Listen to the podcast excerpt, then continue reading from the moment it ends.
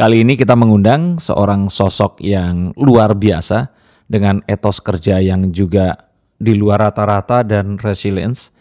Ini adalah seseorang yang memiliki pengikut atau followers di Instagram account hingga 1,2 juta. Sebagai perbandingan saya punya belum nyampe 100 ribu. Jadi ini setara dengan artis papan atas dia adalah seorang pengusaha dan memiliki banyak bisnis usaha, seorang ibu rumah tangga juga. Ini adalah Fitri Salhuteru. Selamat datang di Mata dan Telinga, the tool to fit your soul.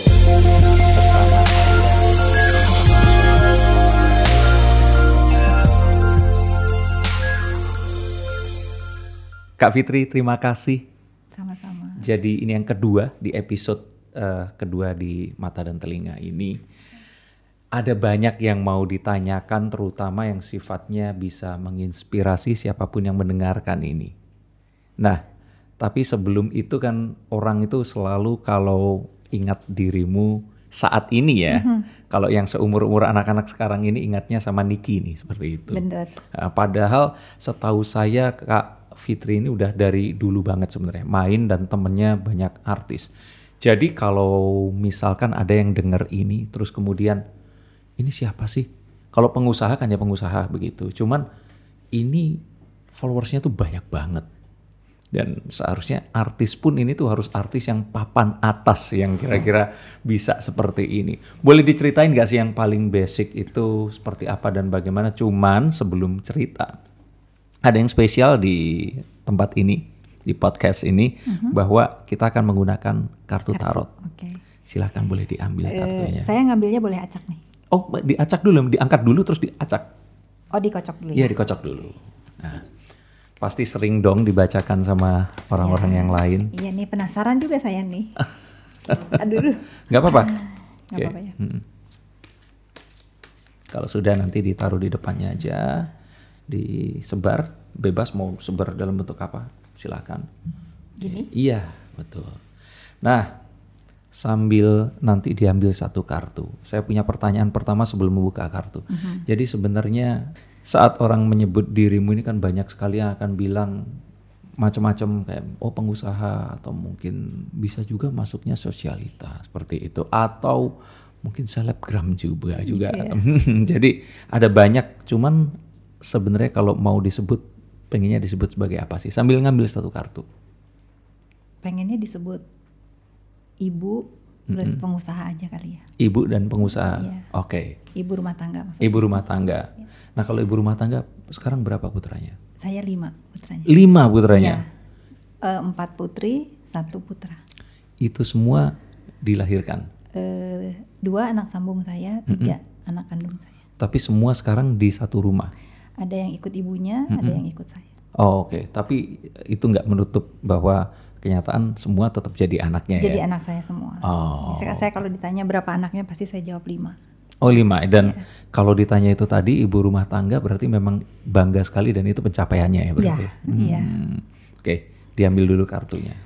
Dan setiap kartu itu memiliki makna yang berbeda-beda. 78 kartu, nah kita nggak tahu dapat kartu Ini apa. Buka nih. Buka dong. Kalau nggak dibuka sulap nanti jadinya. Nah, The Lovers. Oke. Okay. The Lovers di sini kita bisa cerita tentang cinta, hidup, hmm. pasangan dan sebagainya. Kita mulai dari cinta dulu deh. Sebenarnya ini tuh passionnya atau bukan sih yang sekarang ini dijalani? Maksudnya apa nih? Passion tuh artinya ini memang satu aktivitas hidup yang memang dicintai atau terpaksa melakukan ini karena banyak orang yang akhirnya ends up melakukan sesuatu yang dia nggak sukai tapi dia harus melakukan itu. Dalam pekerjaan atau dalam semuanya? Semuanya. Ya, uh. Oke, kalau dalam pekerjaan tentu mm -hmm. uh, gimana ya awal-awal ya saya merasa uh, pekerjaan yang saya geluti ini sebetulnya bukan untuk perempuan. Emang apa pekerjaannya kalau uh, boleh eh. ceritakan singkat? Pertama kali saya mm -hmm. uh, menjadi kontraktor salah satu pembangkit listrik which is itu saya perempuan sendiri. Kayak BTS gitu? Bukan, uh, sebelum BTS.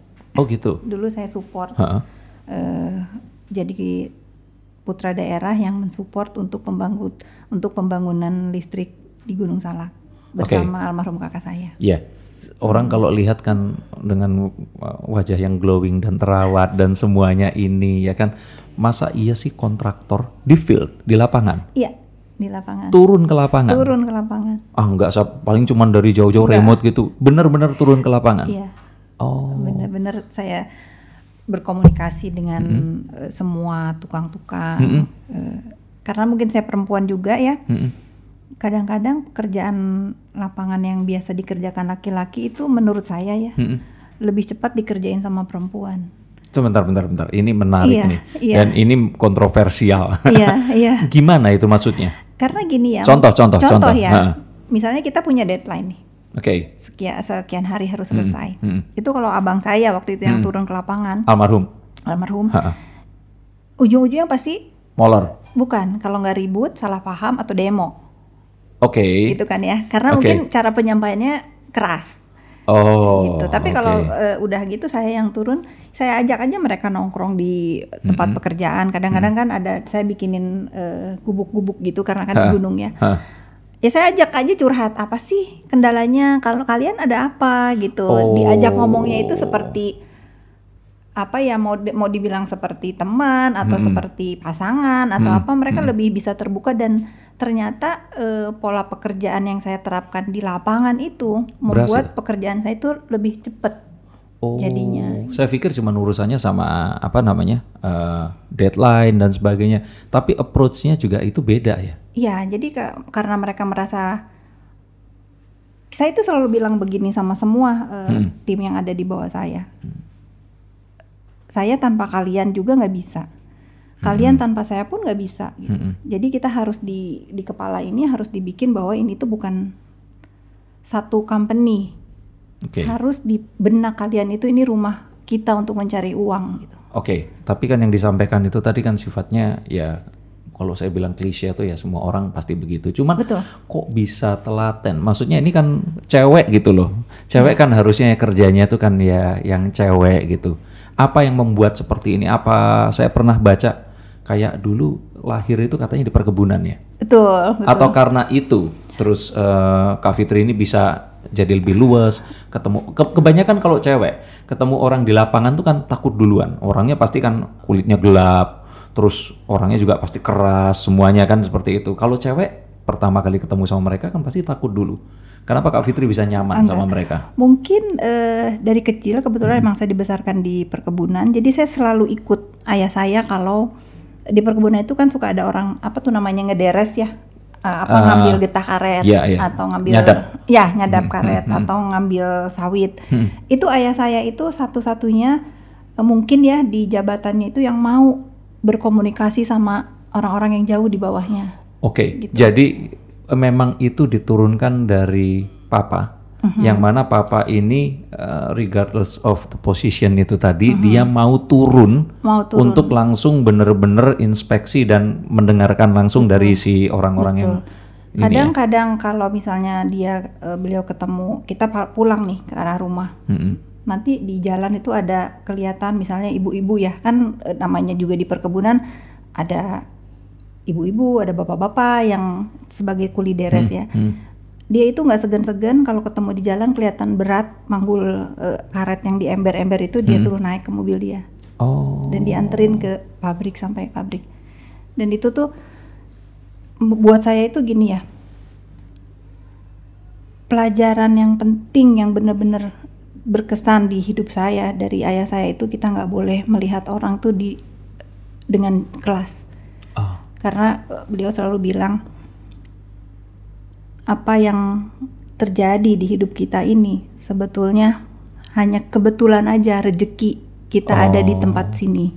Belum tentu di alam lain kita akan di sini. Bisa jadi dia yang akan di atas, kita yang akan di bawah. itu luar biasa. Oke, tapi Itu yang memang- selalu terngiang di Iya. kuping saya. Cuman papa itu memang memulai semuanya juga dari, maksudnya kalau beliau memang kedudukannya tinggi.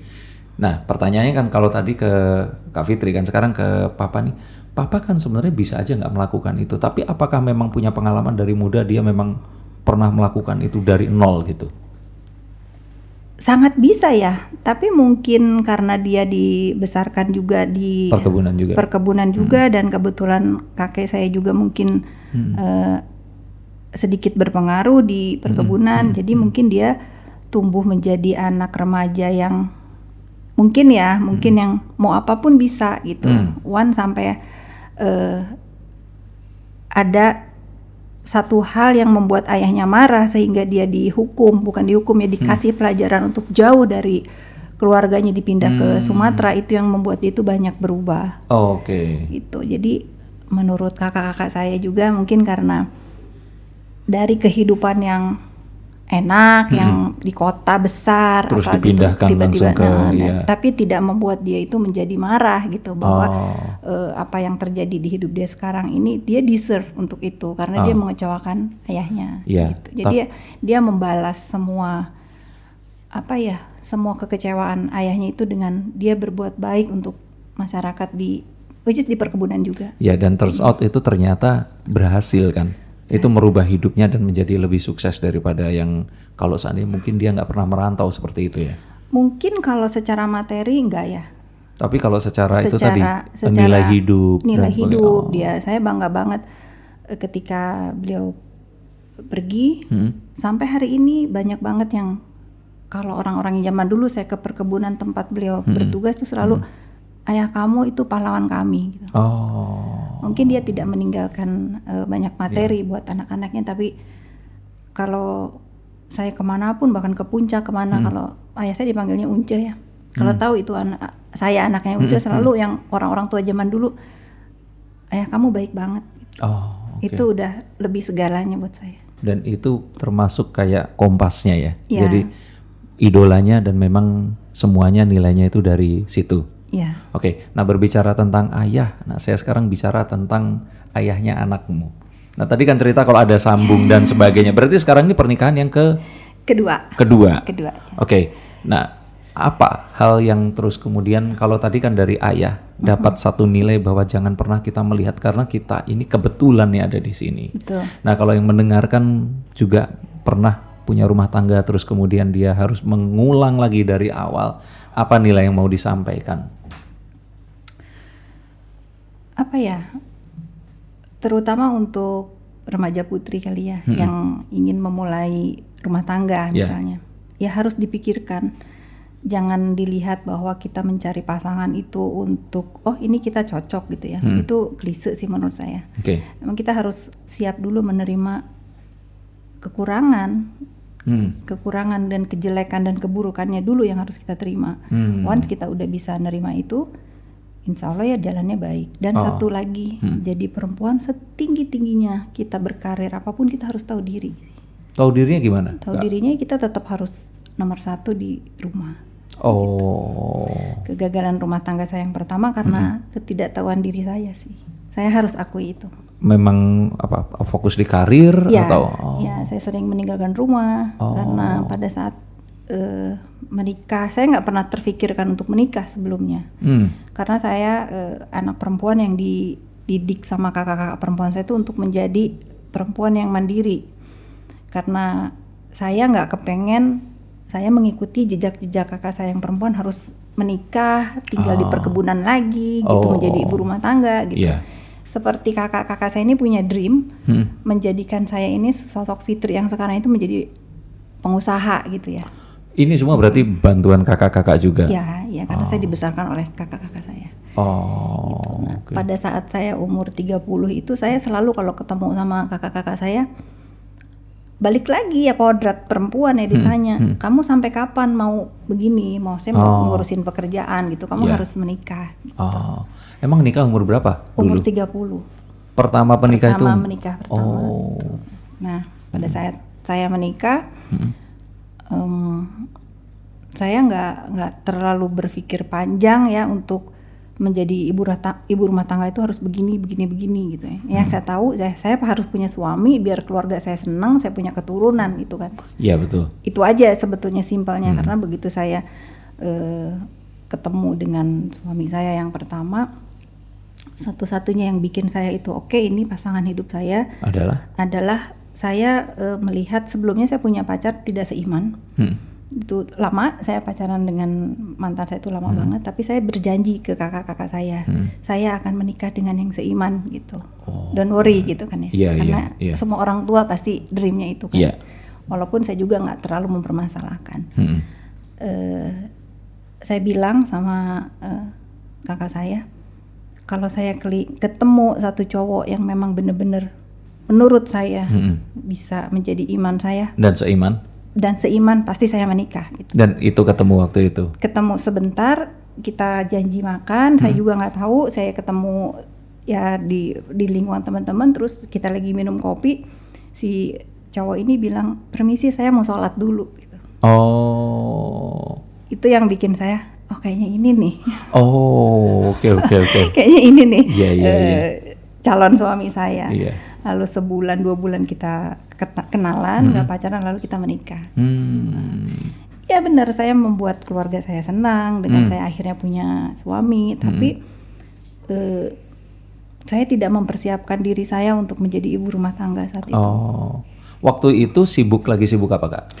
Banyak saya banyak banget eh, karena dari umur 20 tahun itu saya udah bekerja kan Oh, jadi memang banyak pekerjaan terutama saya kerja di dunia BTS akhirnya saya harus keliling Indonesia harus lagi bener-bener ngebina karir dari nol lah gitu ya Oh. saya harus ada di mana harus di mana dan rumah tangga saya akhirnya Itu jadi tadi. korban. Oh. Oke. Dari situ anak itu dua. dua anak saya dua Oh. Oke. Nah, kalau sekarang tentang anak sendiri. The Lovers ini juga tentang bagaimana orang-orang yang, yang sifatnya person itu mencintai kita dan kita cinta sama mereka. Anak-anak yang dua ini sekarang umur berapa? Eh, yang saya lahirkan tiga yang pertama umur 16 Naira Oh, itu yang, per- eh, Yang pernikahan pertama. pernikahan pertama Oke.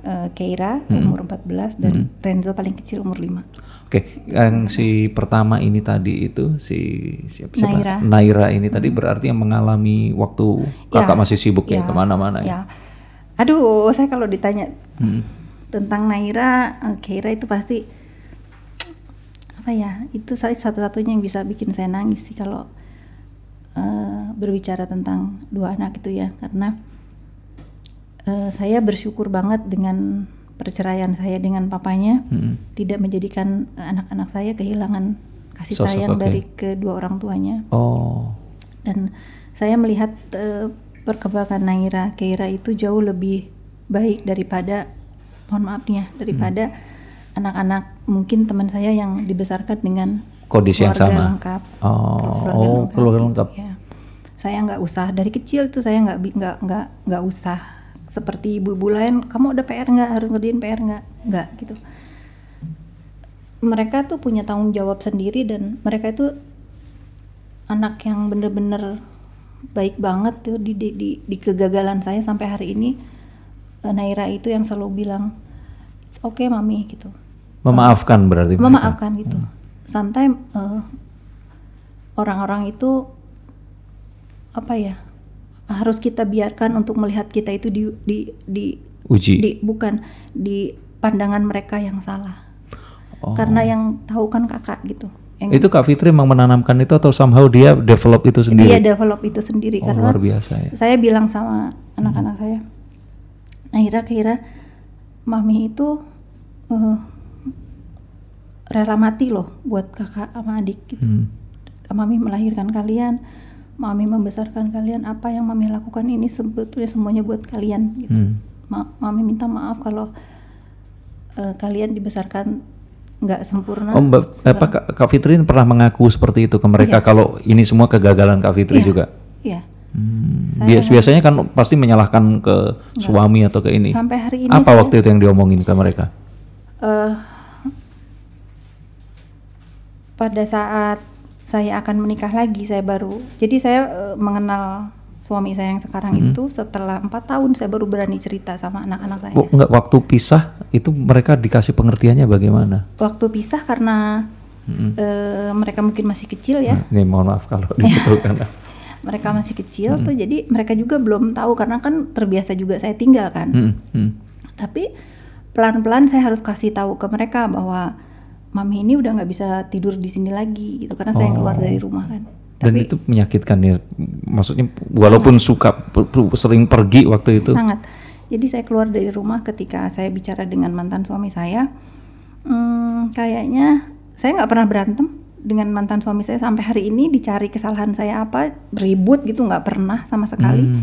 Itu memang kita dua manusia dewasa yang bilang "E, kayaknya saya ini bukan bukan istri yang baik deh buat dia gitu. Oh. Karena saya nggak bisa ngurusin makan, nggak bisa ada selalu dia butuh saya gitu. Dan saya eh, ngomong baik-baik ke dia. eh, yang paling penting dalam dalam hidup saya ini, kalau saya memang nggak nggak layak untuk dia itu, mungkin lama-lama rasa yang ada di hati saya dan dia pun sudah nggak ada gitu. Lebih baik eh, kita jadi teman dan dia bisa mengerti itu. Dia tahu sejarah kita ketemu bagaimana dan dia bisa menerima itu kita sama-sama ke pengadilan Hmm. bersama untuk Jadi nggak ada ribut-ribut apa-apa waktu ada itu. nggak ada sama sekali kita itu kita eh, masih serumah Hmm. masih biasa gitu ya masih sama anak-anak eh, tapi kita udah nggak satu kamar anak-anak tidur dengan saya terus Hmm. itu yang mulai saya kasih tahu ke anak-anak Oh. mungkin nanti mami eh, punya rumah baru lagi Iya, iya, Jadi iya. pelan-pelan saya tanamin tapi begitu saya keluar dari rumah tidak satu pun pakaian saya bawa Oh. semua saya tinggal biar mereka ngerasa oh ini masih ada mami di sini gitu. Oh. Dan mereka tahu tentang Dan itu. mereka setelah empat tahun Oh. eh, saya harus ngomong setelah Naira siap saya harus ngomong Tapi sebenarnya ternyata mereka siap. Hmm, yang gede sih enggak. Kalau yang kecil kan belum begitu ini ya. Iya, yang iya. gede itu why mami? Why mami? gitu. Hmm. akhirnya saya bilang eh, saya kasih pengertian dengan seada-adanya gitu ya ma am- mami nggak berhasil. Jadi ini akhirnya dia yang peluk saya it's okay mami. Hmm. Eh, Umur berapa waktu itu dia? umur 8 tahun. Dia 8 tahun bisa bilang it's okay mami. it's okay mami karena kan akhirnya di teman-teman sekolahnya ada yang denger kan your Oh. parent divorce gitu. Dia nanya kak. Oh, ya ampun. gitu ya. Akhirnya ya aku mau nggak mau harus kasih tahu terus aku menikah lagi dan ya alhamdulillah ada anak aku yang Renzo ini jadi Ah, Yang menyatukan, ya. menyatukan semuanya. Tapi Naira sama Keira ini masih sering juga main sama Renzo oh sama ya setiap hari setiap hari. Oh. jadi saya dari jadi gini ya kenapa saya nggak mau seperti orang-orang eh, membawa perceraian ini untuk rebutan anak misalnya. Hmm, ya. Kalau ngikutin hati sih pasti ya semua orang pengen anak deket kita. Betul. tapi mereka lupa gitu bahwa dengan kita punya ego itu dikedepanin kan yang korban jadi anak. Iya. nanti anak jadi bingung memilih ini ayahnya atau ini ibunya. Tapi saya bilang sama anak-anak saya hanya hanya mami ini rela mati buat kamu. Jadi kalau misalnya kamu mau tinggal di mana pun se, se- senang hati kamu silahkan. Hmm. mami bisa tahan rasa rindu mami kalau kamu eh, merasa kamu memang harus tinggal sama ayah misalnya gitu. Hmm. nanti kalau misalnya saatnya saya rindu ya saya bilang sama mantan suami saya boleh nggak saya bawa anaknya? Sampai hari ini sih seperti itu. Ini kayaknya kalau diceritain cuman begitu tapi rasanya pasti rasanya lebih berat ya ini. pergi hatinya ya gitu Oke, eh, ini tadi banyak nilai hidup dari kartu ini. Coba ambil kartu yang lainnya lagi. Bebas yang mana saja. Sambil saya nanti jelasin arti kartunya apa. Oke. Nah, ini adalah kartu The Four of Cups. Jadi Four of Cups ini kartu yang meminta kita untuk istirahat dulu, kontemplasi dulu. Kita coba untuk eh, berpikir dulu kira-kira ini atau bukan sih sebenarnya yang mau kita jalani. Jadi nggak selalu kesempatan yang kita ambil itu selalu kita raih. Tapi kita kadang berpikir untuk kita lihat dulu ini ke depannya bakal seperti apa. Nah, pernah nggak sih dalam hidup Kak Fitri ini kayak jalannya ini kecepatan gitu loh. Dengan semua pekerjaan, semua aktivitas yang dilakukan. Terus sampai di titik di mana, iya yang ku cari ini apa sih sebenarnya? Sering Nah kalau seperti itu apa yang biasanya akan dilakukan? ini saya lagi ngalamin Sekarang ini? sekarang ini lagi pinter ya kartunya saya lagi ngalamin banget karena mm, di pandemi ini tuh kan saya eh, lebih banyak di rumah kan, lebih banyak sama keluarga. Ternyata eh, saya ngerasa saya nggak ngerasa eh, sempurna gitu ya, tapi saya ngerasa kok hidup saya ini sekarang lebih berarti ya gitu. Hmm. Biasanya kan apa-apa saya mikirin pekerjaan, karyawan saya gimana, Iya. apa tapi saya sekarang sering bertanya sama diri saya. Saya selalu mikirin banyak hidup orang gitu loh. Tapi rasanya saya egois gitu. Oh. Anak saya, suami saya selama ini tuh menjadi nomor Sekian. sekian Iya, gitu. iya. Saya sampai eh, bulan ini tuh saya kepengen banget menutup salah satu perusahaan saya untuk saya let go aja gitu. Menutup perusahaan. Ya, saya sekarang lagi bikin eh, sistem karena perusahaan itu udah lama, jadi Hmm. saya kumpulkan semua staff saya baru bulan lalu. Hmm. Kalian bukan karyawan saya lagi, saya bilang gitu. Oh, saya kasih saham di perusahaan ini untuk kalian Oh. semua. Saya hanya eh, leader. Founder berarti Eh, ya. Saya hanya leader buat kalian. Segala keputusan kalian putusin sendiri. Itu mungkin cara terbaik untuk saya berterima kasih sama mereka yang Oh. Iya, selama tapi ini. luar biasa. Itu dibagi semuanya saham ke Iya, mereka. Iya. Oke, oke. Kemarin kita sudah kumpul semua, eh, semua karyawan saya kumpulin. Jadi saya udah mulai nggak menginjak kantor itu lagi udah satu bulan Oh. untuk memberikan eh, keyakinan Iya. kepada semua yang ada di kantor itu bahwa ini tuh kantor kalian loh.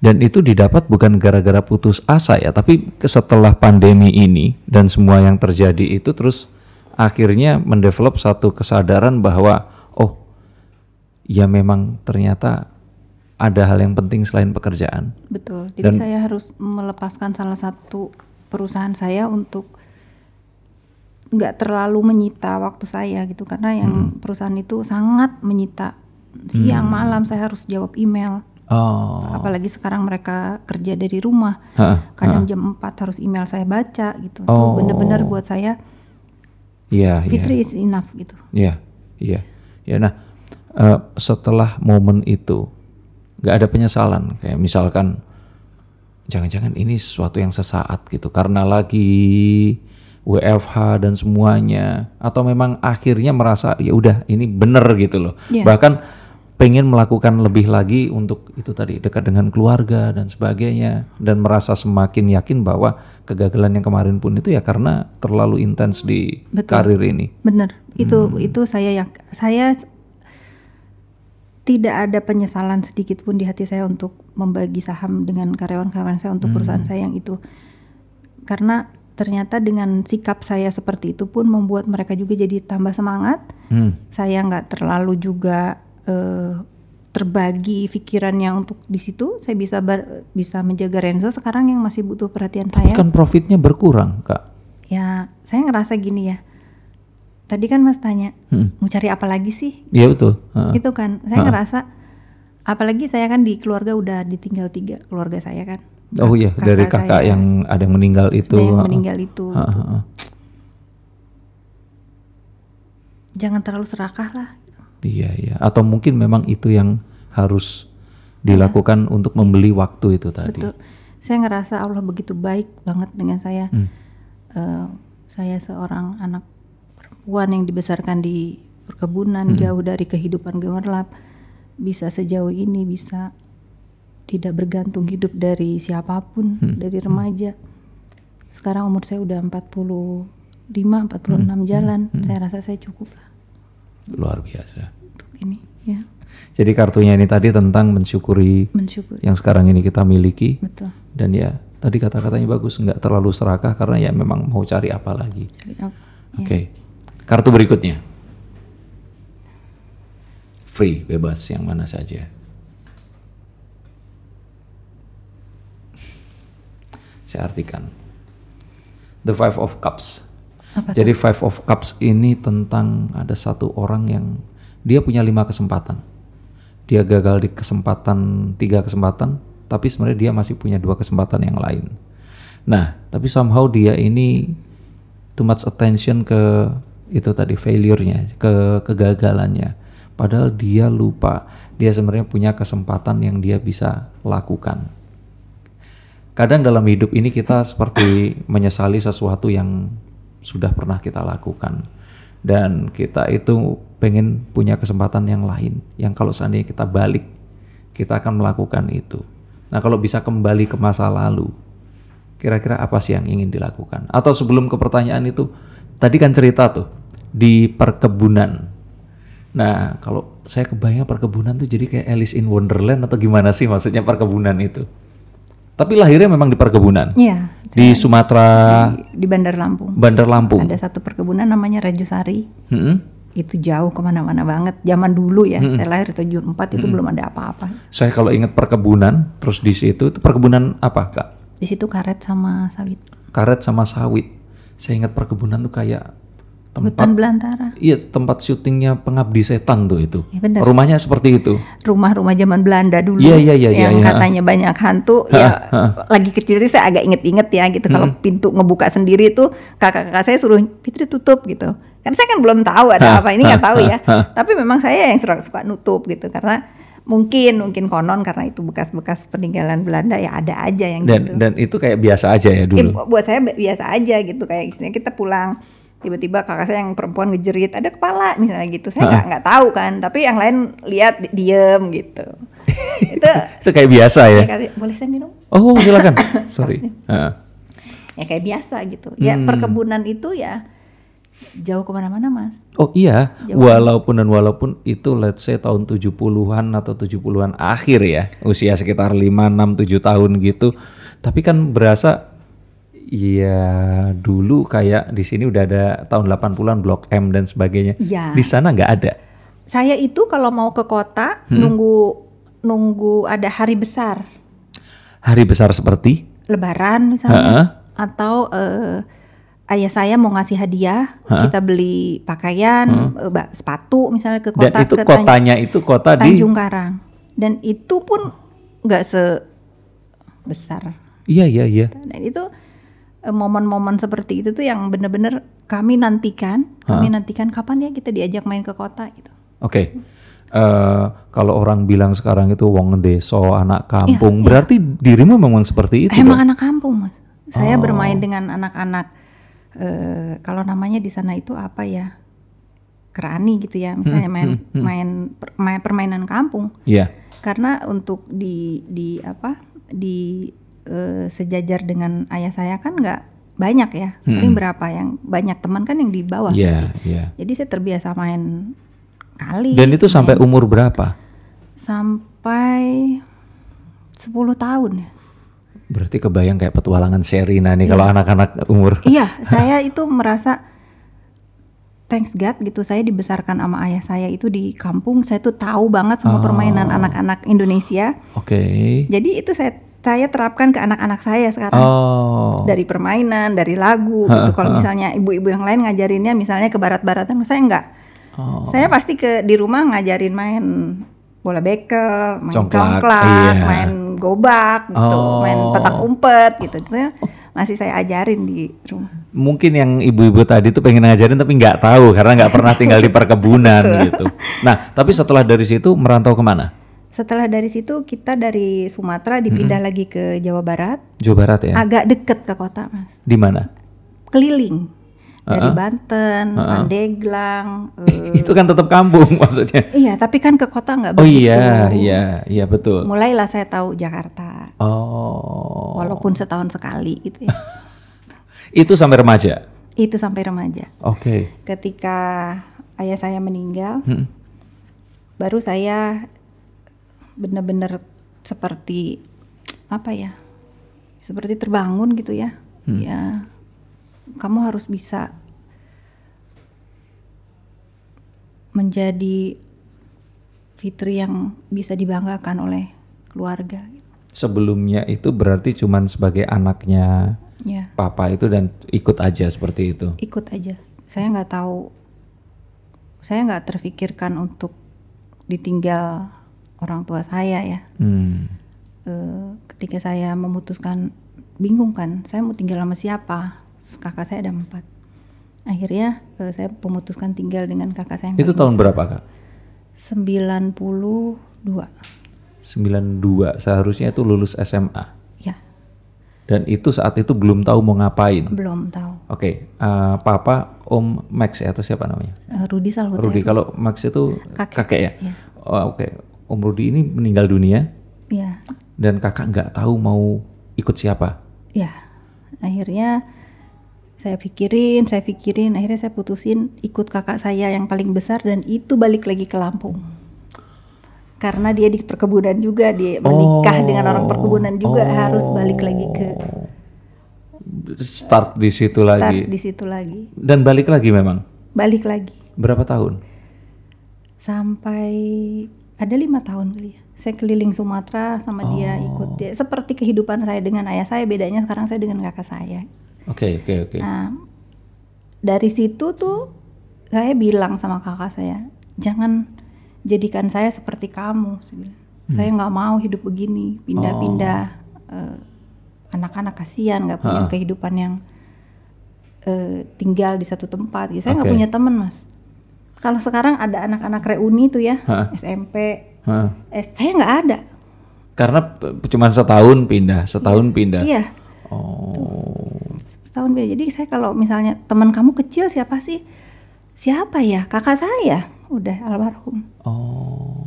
Nggak punya nggak punya teman masa kecil yang main sama siapa gitu. Karena emang harus pindah-pindah. Dan kalau sekarang pun lagi ada yang denger ini terus tinggalnya di mana? Arjosari tadi ya. Rejosari, iya. Kalau sekarang bisa punya Instagram ya dan Iya. main TikTok ya. Ada kapan tahu ya tahun berapa itu ada tuh yang DM ke saya. Eh, saya ingat kamu loh dulu kita sel- selalu mandi di kali katanya gitu. Oh iya. Oh, oh. Saya mau cari nih, belum sempet ke sana. Oh. Siapa Ini gitu? kalau ya. denger ya. Kalau denger ya, saya pasti cari nanti saya bak- bakal Oke. ke sana. Tapi Kak Fitri dengan eh, ini maaf tadi tas Hermenya dan semua ini pernah mandi di kali. Iya, kecil saya itu permainan pulang sekolah lempar baju, lempar. Jadi ini nggak satu dua kali. Enggak ada karena sa- saya kan di, nanti tanya sama teman Mas ya. Ada juga tuh yang sama-sama di perkebunan. Kalinya itu bukan kali bersih loh Mas. Itu kali yang biasa limbah pabrik dibuang ke situ. Tapi buat saya ya itu permainan menyenangkan gitu buat saya saat Iya, iya, itu. iya, udah ada kayak kolam renang hotel bintang 5. Tapi Iya. iya menariknya itu tadi bahwa ya kebahagiaan itu memang itu tadi ya, bukan dinilai dari uang. bukan. Oke. Dan saya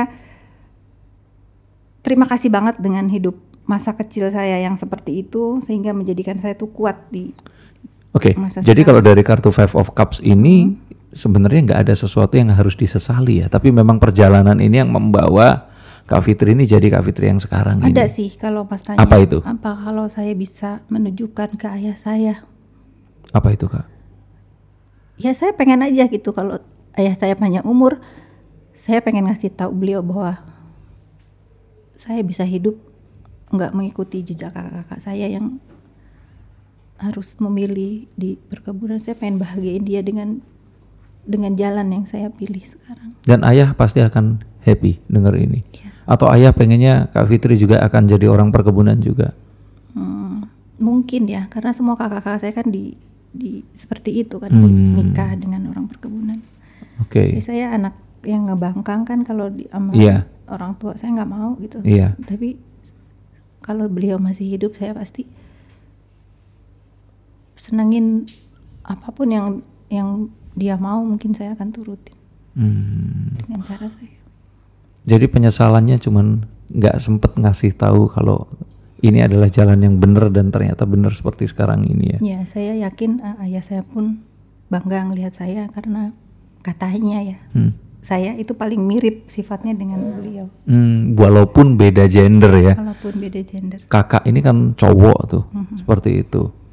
Oh, oke. Dan kalau seandainya nih eh, kembali lagi ya tetap akan melakukan seperti ini, nggak akan. Iya. Saya lebih saya merasa hidup saya tuh lebih berguna buat eh, orang-orang yang ada di sekeliling saya, staf-staf saya. Hmm. Mungkin saya bisa punya pilihan nggak nggak apalagi sekarang zamannya apa semua kan bisa online ya. Betul, Mungkin saya betul. bisa mengurangi karyawan setengahnya gitu. Oh, Tapi itu nggak saya lakukan. Karena saya ngerasa saya senang banget bisa meringankan beban walaupun nggak berlebihan ya, tapi mereka bisa nyekolahin anak, Ya. bisa beli rumah, bisa memenuhi kebutuhannya. Saya nggak mau serakah. Tapi basically sebenarnya Kak Fitri ya sama kayak Papa, cuman berbeda bidang dan peduli banget sama orang-orang yang memang membuat beliau ini seperti itu. Dan sekali lagi yang harus diingat-ingat yang itu tadi kan bahwa ini semua kebetulan. Oke, ini sesuatu yang mencerahkan. Boleh diambil kartu berikutnya. Ini seru banget ngobrol karena banyak banget hal yang emosional tapi positif emotion gitu, yang sesuatu yang kita bisa reflection dari apa pun yang tadi diceritain. Eh, saya cuman kepengen, mungkin banyak ya anak-anak perkebunan atau biasanya orang tuanya yang tinggal apa bekerja untuk pemerintahan suka malu menceritakan Iya, di mana dia berasal. Iya. Sebetulnya kalian jangan malu karena ini kebanggaan hidup kita gitu. Kita bisa Hmm. melewati masa-masa mungkin yang orang lain nggak nggak pernah rasakan. Ya orang lain dulu kan harus pergi ke asrama untuk ngerasa jauh dari mana-mana. Ini Iya. memang terlahir di situ. Di situ. Iya. Ini satu-satunya cita-cita yang saya nggak kesampaian itu jadi anak kos-kosan sih mas. Karena nggak usah gitu, udah jauh. iya, iya bener-bener. Nih dia, buka ya. Buka buka. Oke. Oke. The Ace of Cups. Hmm, kalau boleh saya bilang harapan ke depan ini apa yang jadi harapan terbesar? Tapi jangan tentang suami dan anak. Tapi harapan tuh kayak harapan yang lebih ke sesuatu yang punya cita-cita lah. Yang kalau itu sudah tercapai kayak ya udahlah saya udah siap untuk eh, jadi tua terus apa pun itu. Yang belum tercapai apa harapannya? Kalau secara eh, materi sih saya ngerasa lebih dari apa yang saya bayangkan sekarang. Tapi kalau misalnya ya Mas ya, kita saya itu selalu diskusi dengan keluarga saya. Hmm. Kita itu hidup nggak ada yang panjang loh umurnya. Hmm. Di keturunan saya ya, opa saya, kakak-kakak saya. Emang umur sampai berapa kak? 50-an kan, 50 Oh, Oke. ah. Karena kalau kalau bicara sama mereka, kita nggak tahu kapan kita dipanggil. Gitu. Oke. Kan kalau kalau ngelihat dari Silsilah. silsilah seperti itu, Hmm. saya cuman harapan saya apa pun yang pernah saya kerjakan, Hmm. lakukan itu bisa bermanfaat walaupun nanti saya nggak ada Hmm. buat siapa pun. Oke. Dan termasuk tadi makanya kenapa kok membagi saham itu tadi karena itu juga ya. Mudah-mudahan mereka bisa mempertahankan apa yang saya kasih. Oke, dan ini juga berkaitan dengan memulai sesuatu dengan satu doa dan harapan. Ah, dengan semua yang dikerjakan dan kayaknya usahanya kan banyak banget ini. Apa sih yang menjadi harapan utama pertama kali saat mau establish sesuatu, memulai sesuatu, establish satu brand atau sedang memulai sesuatu itu apa ah, bensinnya? Ya, sebetulnya kelemahan saya itu saya itu nggak pernah bisa berhenti berpikir, Mas. Hmm. Jadi saya itu senang banget menciptakan sesuatu, membangun sesuatu. Setelah jalan, udah saya ngerasa ini jalan, saya pasti lari lagi ke bidang lain. gitu. Oh, Dan saya kadang-kadang marah dengan eh, pikiran saya sendiri, please stop gitu.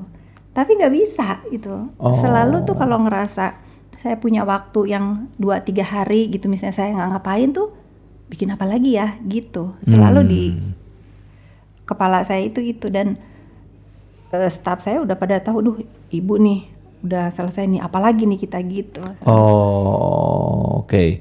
Jadi memang orangnya selalu suka memulai sesuatu, sesuatu lagi dan terus seperti itu. Iya. Hmm, walaupun tadi akhirnya kan bilang kalau ini mungkin saatnya untuk keluarga Iya, sekarang iya. dan sebagainya. Nah, eh, untuk yang di sini makanya tadi saya simpan adalah emang kalau nanti ternyata semuanya ini anak-anak ini sudah dewasa, harapannya tuh apa sih ke mereka itu? Karena mereka kan nggak lahir di perkebunan. Betul. Saya selalu bilang sama anak-anak saya ya, ke Naira terutama. Kalau yang kecil kalau saya tanya, kamu mau jadi apa, Dek? Aku mau jadi psikolog. Saya diemin. Emang tahu psikolog dia? Iya, saya mau jadi psikolog. Saya mau sekolah di sini. Tapi kalau balik lagi ke Naira, dia itu selalu terdiam, dia nggak pernah berani ngasih tahu dia kepengen jadi apa, dia pengen sekolah di mana. Karena Karena dia ngerasa punya beban, kalau saya nggak ada, dia yang harus meneruskan semuanya. Walaupun dia nggak mengucapkan. sebentar, ini anak umur 20 berapa? 16 tahun. Iya 16 tahun masa udah mikirin sampai Iya. segitu. Iya. Oh. Kalau ditanya gitu, Hmm. kadang kalau kita lagi berdua, kamu mau sekolah di mana Naira? Don't Hmm. ask mami. Gitu. Terus kamu mau jadi apa? Jangan tanya mami. Tapi kalau dia cerita sama teman-temannya, Hmm. dia kepengen nyenengin saya. Gitu. Dia pengen nerusin apa yang saya mulai. Walaupun Oh. sekarang saya pelan-pelan suka cerita. Hmm. Mami lagi ini kerjaan mami. Saya tahu dia ngeliatin gitu loh. Hmm. Tapi dia belum punya keberanian untuk dia mengucapkan I take it gitu. Iya. Dia cuma memperhatikan. Dia selalu kalau saya bikin apa dia cerita sama temennya. Hmm. Ibu aku lagi bikin ini. Hmm. Kalau dia bikin kata-kata untuk saya, bahwa walaupun saya banyak salah buat dia, tapi dia tuh selalu bangga dengan apa yang saya kerjakan. Hmm. Oke, ini si Naira itu ya. Iya. Dan dia kalau ditanya cita-cita berarti dia nggak nggak mau ngomong ya memang. Iya dia nggak mau ngomong dan apa ya dia itu dia tuh saya minimi banget gitu. Dia tuh selalu bilang walaupun dia bisa mendapatkan apa yang dia mau gitu, dia anak yang aku tidak akan beli sesuatu yang menurut aku mahal tidak dengan uang aku mami. Kalau dia saya bawa ke mall pasti lari. No, this is too expensive gitu. Oh. nanti aku akan beli dengan uang aku sendiri. Dan dia, dia selalu buktiin itu kalau saya kasih uang jajan dia kumpulin. Tapi Kak Fitri ini nggak membuat-buat ceritanya hanya demi karena anak ini. Dia memang seperti itu? Demi Tuhan dia seperti itu. Dan nggak diajarin untuk begitu. dan nggak tahu kadang-kadang kayak kemarin tuh saya baru hari minggu kemarin saya ke mall sama teman-teman saya. Tuh teman-teman saya bilang gila ya anak lo gitu loh kok bisa dia begitu padahal saya tuh sampai sampai berantem kadang-kadang Naira mami tuh pengen lo beliin baju misalnya Iya iya iya. iya. No, I don't want gitu. Saya, saya tuh bisa berantem di di salah satu toko tuh. Loh. Gara-gara saya pengen beliin dia, tapi dia ngerasa itu kemahalan. Iya ibu-ibu dan anak yang lain berantem tapi kebalikan. Minta dibeliin sama nggak mau beliin tapi ini. Cuman kadang merasa nggak sih kalau eh, buat seseorang dirimu yang pernah gagal dan seperti itu tuh Tuhan ini ngasih anak yang terlalu baik gitu. Terlalu, saya sering nangis mas. Saya ser- sering nangis gini ya. Kok kayaknya gimana ya saya saya berterima ka- ngomong terima kasih aja tuh nggak cukup banget buat hidup saya karena dengan dengan segala kekurangan saya saya punya anak itu yang kenapa terlalu sempurna buat saya. Saya itu dari kecil sampai saat ini mas boleh cek sendiri. Tidak pernah marah sekalipun sama anak-anak saya. Nggak pernah saya kesel atau marah gitu sama mereka. Nggak pernah sama sekali. Jadi kalau ditanya sama teman-teman kemarin contohnya ada salah satu teman saya anaknya komplain kenapa kamu nggak nggak seperti ibunya Naira? Gitu nggak pernah marah. terus eh, dia bilang kata siapa? Ibunya Naira nggak pernah marah-marah kata gitu. Nah ini nggak pernah dikompakin kan? Iya iya. dia tanya di depan saya dan ibu. Iya iya. kan marah kan ke Naira? Enggak. Aku nggak pernah marah gitu. Tuh kan gitu loh. Terus Na- Naira approve it gitu. Dan ini merupakan satu bukti juga kalau sebenarnya nggak usah marah pun. nggak usah marah. Anak sebetulnya ini- kita jadi orang tua itu semakin kita memberi kebebasan untuk mereka menjadi dirinya kita menunjukkan dan mencontohkan di jalan yang baik mereka pasti ada di rule-nya. Karena insya Allah saya nggak pernah mencontohkan yang nggak baik buat anak-anak. Saya. selain kegagalan rumah tangga saya. Iya, tapi walaupun tadi dibilang kegagalan, anak-anak ini tetap bangga ya bahwa mamanya ya tetap Iya, Kak Fitri ini. Iya, karena saya nggak pernah, sorry ya, saya nggak pernah mabuk misalnya di depan anak saya. Saya nggak pernah pergi party ke mana-mana. Yang anak-anak saya tahu, boleh cek sosial media saya. Saya lebih baik kalau ada waktu lebih, saya olahraga atau di rumah nonton TV. Hmm. Jadi saya cuma satu ke Naira, ke Keira, anak saya yang perempuan dua. Mami nggak pernah melarang kamu menghabiskan masa remaja kamu seperti apa. Hmm. Tapi kalau sampai mami dengar kamu melakukan hal-hal yang nggak pernah mami lakukan, satu kata buat kamu, mami mati aja gitu. Hmm. Dan itu di kepala mereka tuh nyangkut. Oh. Dia selalu cerita sama teman-temannya, Hmm. eh, aku nggak mungkin pergi clubbing kalau ketahuan sama mami aku mami aku mati gitu Oh, oke oke. mati maksudnya mami kan jadi Iya, iya, mikir iya, jadi iya, betul. kepikiran Enggak, tapi kan, kenapa iya. begini nah jadi dia artinya luas dan untuk anak seumur Naira memang dia nggak pernah ngapa-ngapain sih Oke. Tapi itu luar biasa banget. Beneran dan ya nggak nyangka.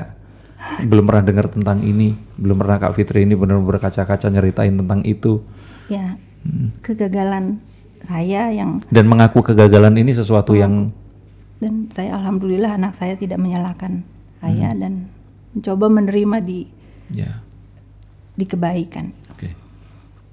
Oke, ini harusnya 8 kartu. Tadi 8 tentang ini. Nah, saya sekarang nanya ke anak yang sulung, anak paling tua.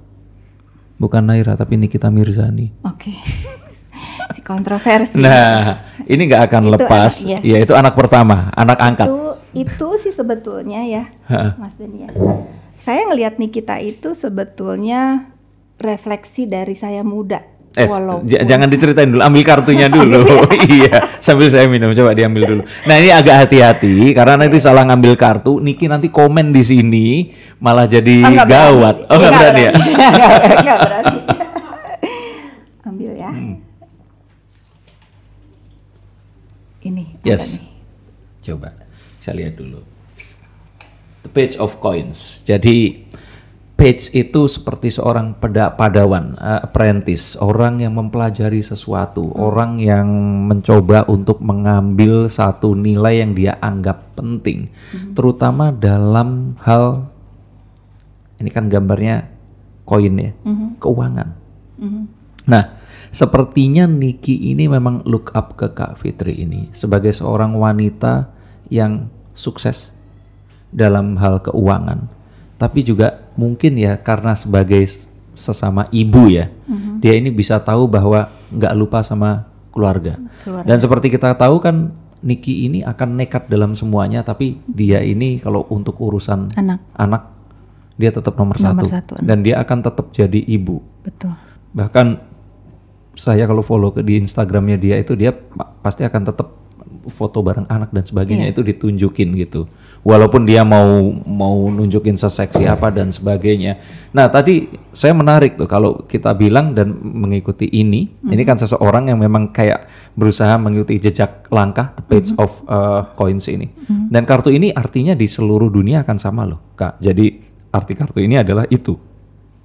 Diminta untuk kita itu mengikuti satu jejak langkah seseorang yang bisa memandu kita. Nah, somehow ini tuh kejadian. Dan tadi kan dikasih tahu kalau versi berbeda di zaman yang berbeda, betul ya. Nah, kenapa? Atau gini ceritain dulu awalnya tuh gimana sih? Kalau dulu kan saya tahu misalkan Kak Fitri ini kan temenan juga sama KD ya sama zaman-zaman ya 90-an itu. Dan memang angkatannya itu. Kok bisa sampai sekarang nyebrang ke kalau saya bilang ya ke artis yang sekarang, eh, selebriti yang sekarang dan kok kebetulan ini yang paling kontroversial. Sebetulnya alasannya banyak ya. Awalnya dulu ketemunya dulu gimana awalnya dulu? itu eh, saya kenal Nikita itu udah lama pasti semua tahu dia dan semua kalau ngedenger nama Niki pasti aduh gitu kan. Kenalnya waktu masih punya tato atau? Iya iya. Iya. Iya. tapi- saya kenal juga waktu masih ada tatonya. Iya, tapi menjadi dekat itu saat dia berhijab. Oh ya, kala itu ya. Saat dia berhijab itu jadi Ketemu di mana kak? seperti waktu itu? biasa. Jadi saya sama teman-teman saya yang sudah berhijab, mereka tuh mau bikin clothing line Oh, Oke. tentang hijab. Yes. Terus saya bilang sama mereka, kalau kamu mau bikin clothing line, kamu harus gandeng Nikita, Hmm. BA gitu ya. Ya, zaman itu. Zaman itu, Ah. akhirnya hmm, saya itu kalau mau kerja sama sama orang kan harus ditemenin dulu kan, Iya. harus tahu ini anak Iya. bener nggak. Ya sama kayak waktu bangun BTS kan, atau itu harus deket sama si Iya, Ah, ah. ya Terus? itu gitu makanya. Jadi, ah, jadi eh, saya janjian sama Niki Mm-hmm. makan siang gitu. Kesan pertama yang saya tangkap dari itu begitu dia kenal salaman sama saya dia cium tangan. Mm-mm. Itu udah poin buat saya kan. Hmm. Oh, ini anak sopan gitu. Mm-mm. Udah saya saya ini dalam hati terus ya Niki Niki mau nggak begini begini begini gitu. Ya Kak, boleh Kak gitu. Nurut gitu. Set, pertama kedua ketemu masih masih saya ajak ngomong, ketiga dia baru curhat Hmm. tentang masalahnya yang Iya. dengan sampai dia di penjara kemarin Iya. kan. heeh. Itu saya bilang kok ini anak kasihan ya. Hmm. gitu. Kasihan banget loh. Maksudnya eh, akhirnya saya tahu hmm, Nikita di sosial media dengan Nikita di Real. real life Iya, itu udah Berbeda. beda banget gitu. Oh. Dia ke mana-mana bawa Aska masih kecil. kan. Iya iya iya iya. Bawa Aska akhirnya saya juga bawa Jojo kalau Ah, ah. main itu selalu bareng ya. sama mereka. Terus saya dengerin itu. The sampai saya itu di di kepala saya begini, ini anak baik, tetapi karena seluruh masyarakat Indonesia yang hates, yang Hmm, benci sama dia, selalu membuat dia selalu salah, sehingga ini anak jadi begini gitu kan. Nggak ada yang mau bela. Nggak Oke. ada yang bela yang nggak ada Iya. yang ngasih. Nggak ada yang mau ngomong nggak ada yang berani ngomong bahwa lu itu nggak salah seluruhnya loh. Oke, tapi sebelum ketemu Kak Fitri kan termasuk orang-orang yang termasuk orang-orang takut. iya, ah, maksudnya Takut, termasuk eh, kan ka- kayak apa ya orang kalau lihat dia tuh kan liar gitu nggak nggak. Takut. Iya betul Nah, ngeri itu. gitu. ya. Makanya peribahasa orang tua itu tak kenal maka tak sayang itu bener loh. Oh. Itu bener banget gitu itu apa terjadi. yang dirasakan waktu Niki pertama kali curhat? Ya ini anak banyak yang jahat sama dia. Tapi nggak ada ketakutan "Ah, buat-buat nih bohong nih curhatnya. Oh enggak kan saya juga cross check kan iya ke iya iya. sekelilingnya. atau nih mohon maaf nih eh Kak Fitri kan pengusaha sukses Hmm. punya banyak duit nih artis biasalah cari duit dari seperti itu sengaja datang dan untuk cari keuntungan mencari simpati kan ada kemungkinan begitu Enggak, enggak. Saya enggak enggak pernah berpikir itu ya ke Niki. Yang saya mau saat itu memang saya mau membantu teman saya untuk menjadikan dia brand ambassador. Mm-mm. cuman memang akhirnya tahu bahwa apa yang diceritain Niki itu real ya tulus Real. ya Oke. Dia memang eh, dasarnya anaknya baik kalau di Hmm. di dunia nyata. gitu. Dari situ mulai kita jadi dekat, Hmm. terus akhirnya ke kegamangan dia mulai terjadi di hijabnya itu kan. Yeah. Terus akhirnya saya tahu nih anak bakal lepas. Hmm. Karena tiba-tiba kan banyak yang ngehujat gitu Iya, iya. orang-orang. Jadi apa yang dia lakukan itu sebetulnya serba salah kan. Iya. Tapi saya bukan orang yang mengamini untuk dia lepas hijab itu kan pilihan dia. oh iya iya iya Ya kalau kamu lepas, kamu tahu resikonya apa. Iya. Dia cuma jawab ke aku, aku mau berbuat apa pun, aku tuh nggak pernah akan bener di pembenci yang benci sama aku kak. gitu. Hmm. Tapi minimal aku nggak apa tuh waktu itu. nggak bohong sama Kar- diri sendiri Kerdus ya. Aku dibilang kerdus oh Apa iya. kerudung dusta iya gitu. iya gitu. iya Ya lakuin apa yang kamu lakuin, tahu kamu tahu resikonya apa gitu. Oke kalau misalnya eh Niki mau nurut sama aku, Niki nurut gitu. Nah dia janji sama aku, aku nggak akan ngebangkang sama kakak, aku nurut gitu. Hmm. Dari situ aku mulai arahin dari tempat tinggal, eh, pekerjaan dia, mana yang oke, mana yang enggak gitu. oke Bikin bisnis kecil-kecilan sampai sampai sekarang. Oh, oke. Nah, tapi sebelum Niki ini sebenarnya ada beberapa yang lain yang temen ya, dan sempat juga dikasih saran dan sebagainya. Cuman karena ada apa? Kalau kakak bilang apa? Takut atau gengsi atau Iya, apa sih? ke- mungkin ya, mungkin dari beberapa teman-teman aku yang pernah juga aku eh, apa ya, aku berbagi ilmu lah gitu sama Hmm. mereka bahwa menurut aku ya sekali lagi dari dunia entertain ini nggak ada yang abadi, sorry ya Hmm, kalau salah, nggak ada yang abadi gitu. Terus aku kepengen banget pada saat eh, mereka namanya lagi bagus itu bikin sesuatu gitu. Hmm. Mungkin ini karena aku ngelihatnya dari dunia pengusaha Iya, ya. iya. Tapi itu tidak pernah dilihat dari sisi entertainnya buat mereka. Iya. Mereka ngerasa ah enggak lah, gue ya gue udah gini capek lah kalau mikir gitu. Betul, karena mereka living the moment ya mereka mikir misalkan nyanyi dapat duit berapa atau acting ah, dapat acting duit dapat duit berapa dan itu yang dilihat mereka Ya. gitu. Apalagi kalau harus starting bisnis terus mulai Ya, dari nol, dari nol, harus- buang duit dulu, harus buang waktu dan sebagainya. Tuh harus fokus, harus punya karyawan juga, harus Oke. mau manajemen perusahaan gitu kan nggak memang Tapi Niki mau dengerin itu. harus mau. Oh, Niki mau. Oke. Tidak ada satu kata pun yang saya bilang Niki, kamu bikin ini ya, kamu nanti gini gini gini, iya kak gitu. Dan dia kerjakan, oke. dan dia kerjakan. Dan dia memang eh, nggak nanya kenapa seperti itu dan sebagainya. Maksudnya tetap nurut aja itu tadi. Hmm, dia sih bilang sama temannya ya, Hmm. ya apa yang aku bilang karena merasa dia ngerasa lihat aku pun berhasil, ya dia pasti nurut Hmm. Percaya. gitu, percaya. gitu. Dia selalu bilang ke, kenapa dia nggak nurut sama orang lain gitu, kenapa Hmm. dia nurut sama saya? perbaiki dulu deh hidupnya baru ngasih tau gue gitu kan dia selalu begitu Oh iya iya iya. Berarti memang moral kompasnya itu adalah Kak Fitri ini. kalau aku mau marah sama dia aku sering banget mas marah dan dia nggak berani ngelawan sekata-kata pun Oke, ini menarik. Hmm. Kalau ke anak nggak pernah marah nih. Nah, tapi ke eh, ke Niki ini marah apa yang pernah ini? Misalkan. Berpakaian misalnya. Mm-mm. itu yang paling sering saya marah sih. Misalnya kalau dia ini dia pasti nonton nih. Misalnya tiba-tiba tengah malam dia upload paginya saya lihat wow apa ini? Hapus nggak? Gitu. Dia Oh. nurut hapus. Gitu. karena saya kena dampaknya juga gitu. Iya iya iya iya. nggak dikasih tahu sih. Dia kan punya anak gadis sih gini. Tapi, tapi kalau misalnya yang nggak keterlaluan ya udahlah saya diemin memang itu dia Oh. Iya iya. eh, Mengekspresikan mengekspresikan pekerjaannya. saya juga nggak bisa menutup ekspresi dia gitu ya siapa saya gitu tapi Iya, untuk iya. sesekali kalau keterlaluan pasti saya ingetin Iya iya. Gitu. Ya karena hidupnya dia pasti berkaitan dengan orang-orang di sekitarnya. betul kan karena saya selalu bilang gini Niki satu aja kalau misalnya sekali aja nih Niki nggak nurut sama saya kalau ada apa-apa dengan Niki jangan telepon saya sekalipun saya bilang Hmm, kalau lu udah siap begitu ya. bangkang deh Silakan. silahkan Iya. gitu ya kak enggak enggak enggak gitu selalu gitu dia Oke. Ini menarik. Oke, kartu berikutnya. Apa itu kak Wah, ini kartunya? banyak apa nih Coba. Ah, Seven of Cups. Jadi Seven of Cups itu tentang satu orang yang dia ini melihat sesuatu. Dia ini melihat ada banyak hal yang positif, tapi juga yang negatif. Nah, semakin lama dia memperhatikan, dia melihat bahwa apa yang terlihat itu nggak seperti kenyataannya.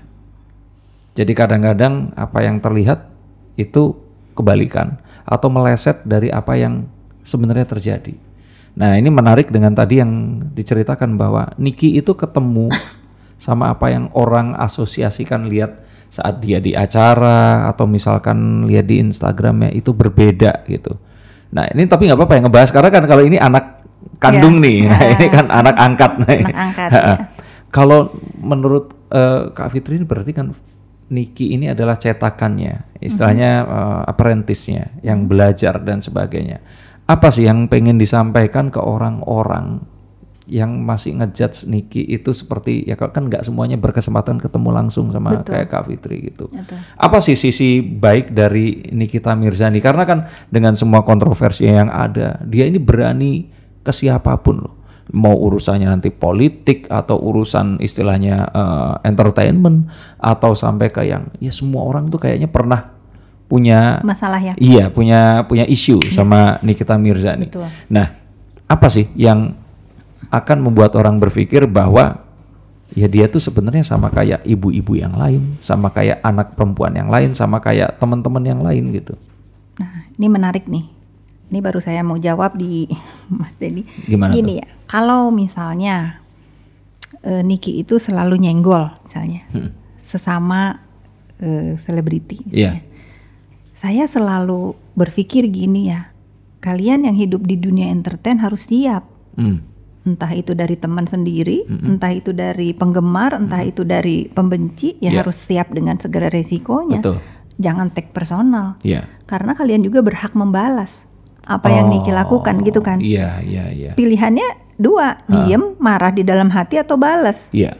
ya. Iya. Tapi setahu aku ya, setahu aku kalau memang yang benar-benar Niki nggak berhenti itu ribut sama siapa pun, selalu dia dimulai. Oh. Tetapi kalau dia cuman oh karena ngelihat si A kelihatannya agak aneh ya dia asal jeplak Komen, aja iya, ngomong iya. tapi that's it. Iya. Udah. Oke. Tapi kalau yang dia sampai nggak berhenti pasti ada sesuatu yang bikin dia marah Oh. gitu. Dan itu saya selalu tekanin ke teman-teman saya Hmm, semua. Jangan pernah ribut sama Niki karena saya nggak akan tahu membela siapa. Iya, Oke. nggak jangan saya mungkin ngasih tahu bisa, Iya. tapi saya nggak bakal bisa nyuruh dia berhenti Iya. Iya. kalau Iya. selama dia belum puas Iya. gitu. Tapi sejauh saya deket dengan Niki, saya bisa pastikan dia selalu dimulai. Iya. Tapi akhir-akhir ini kan udah enggak kan? Iya, betul. Karena eh, saya kepengen lihat, saya ngomong sama Niki ya, Nik kan pelan-pelan Niki ini mau jadi eh, saat di muka umumnya nih kita pengusaha di keduanya nih kita sebagai selebriti Iya. tentu harus dijaga Hmm. sikap, ucapan, cara berpakaian Iya. gitu. Itu untuk Niki nanti gitu. Ya kurang-kurangin lah kalau misalnya yang nggak penting-penting banget gitu di Iya. diajak ribut gitu ya. iya. Ya kalau Mas lihat kan sekarang udah jarang kan. Betul. Dia mau diusik siapa pun kalau saya bilang, aduh Nik sampah gitu. Kalau saya Hmm. udah ngomong sampah aja satu dia diem. Karena kalau dia lawan nanti saya bilang, oh lu sama sama dia Iya. gitu. Iya. Kalau kalau kalau saya udah ngomong sampah terus dia ikut-ikutan misalnya membalas atau apa ya saya nggak mau lo main sama kamu gitu. Hmm. Iya, iya. Jadi yang penting aja nih kalau misalnya memang satu saya saya mendiamkan Niki untuk marah sama Hmm. orang kalau udah berhubungan dengan anak. Oke. Kalau anak karena kamu single parent, kamu nggak punya pasangan, kamu harus bela anak Iya. kamu sampai mana pun. gitu. Saya dukung itu. Oke. Tapi kalau karena ribut masalah kata-kataan gitu, dulu lah. Ini mau arah ke mana gitu kalau itu harus diladeni terus. Iya, capek, buang energi. Oke, nah kalau dilihat dari sini juga apa sih potensi dari Niki ini yang mungkin ya Kak Fitri ini masih mau membantu dia itu kan bukan karena ya, sekarang kan udah jadi lebih dari teman ya. Dan kalau lihat seperti ini ini kan lebih banyak berbahayanya ke Kak Fitri dibanding ke Niki. Kalau Niki kan dia bisa dapat teman yang akhirnya bisa membimbing nih. Iya. Tapi kan kayak tadi kan, misalkan Niki bisa sekarang ngapain, terus tiba-tiba ini lagi baru bangun tidur atau nyampe pergi dari mana, terus tiba- tiba-tiba dilaporin orang karena kan seakan-akan memang Niki ini nggak nurut sama siapa pun kecuali Tuhan sama Kak Fitri. Saya mikir seperti itu gitu. Jadi gini, pada saat saya eh, mempersiapkan diri saya untuk ngebela Niki ya, bukan lagi berteman untuk ngebela dia, saya udah pertimbangkan baik buruknya buat saya. Tapi Oke. Pertama kali yang saya ajak ngobrol itu suami. Hmm, Dia tahu, suami saya itu tahu saya ini sering membantu orang gitu. Oke. Suami saya cuma bilang ya asal kamu siap dengan resikonya, go ahead gitu. oh, Tapi kalau ini limbahnya ke keluarga, terus dia suami saya bilang, emang keluarga kita siapa? Iya. Selebritis bukan, iya, public figure bukan, Iya. don't give a shit kata dia. iya, iya, gitu. iya. Just Oke. go katanya kalau kamu ngerasa dia benar ya kamu bela. Berarti selama ini itu nggak ada cerita kayak misalkan orang tuh kalau lihat Niki itu ribut itu yang pertama dipikirin adalah settingan. Nah kartu ini kan juga tentang pertanyaan itu. Nah ini settingan kayaknya dibayar nih buat ribut sama ini. Seperti itu.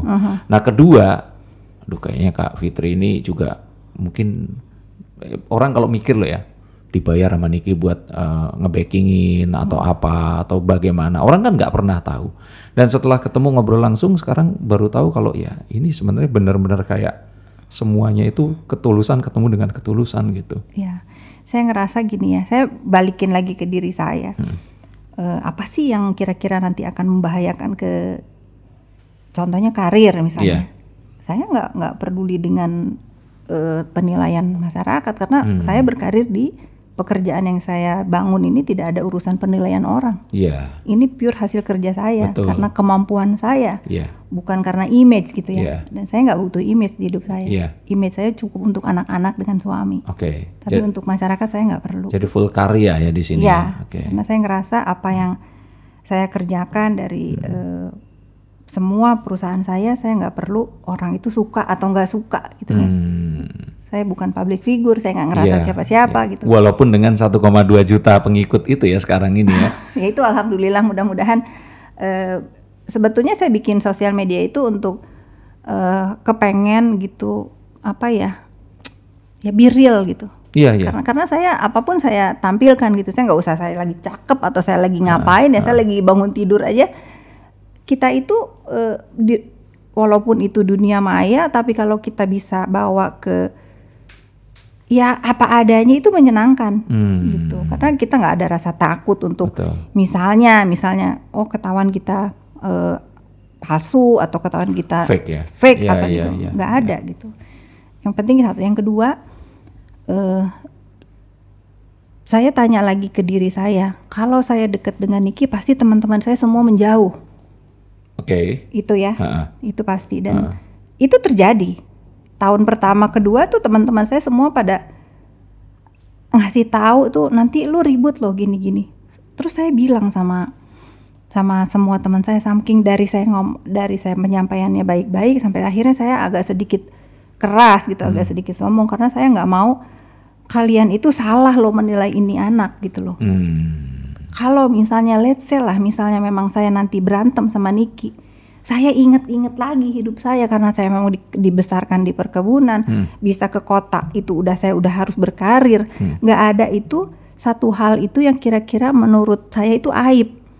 Yang seperti Niki selalu lakukan dikorek semua aibnya din- dinaikkan Iya, ke iya, sosial iya, media. iya. saya bertanya ke diri saya gua ngapain ya? Gitu. Sampai saya bilang duduk sama Niki Nikita emang kalau orang-orang ini lagi nungguin kita ribut nih bilang gitu se Indonesia nungguin lo sama gue ribut Hmm. Iya, bilang itu iya. kepikir nggak apa sih yang mau lu misalnya tulis tentang Iya. hidup aku A- aib apa yang akan Aib diangkat? apa dia, ya emang kan nggak ada kak katanya gitu. Mm-mm. ya udah cukup tapi kalau sampai itu terjadi nih Hmm. kita aku bilang gitu nggak akan pernah terjadi aku balas aku cari kamu aku gebukin kamu gitu Hmm.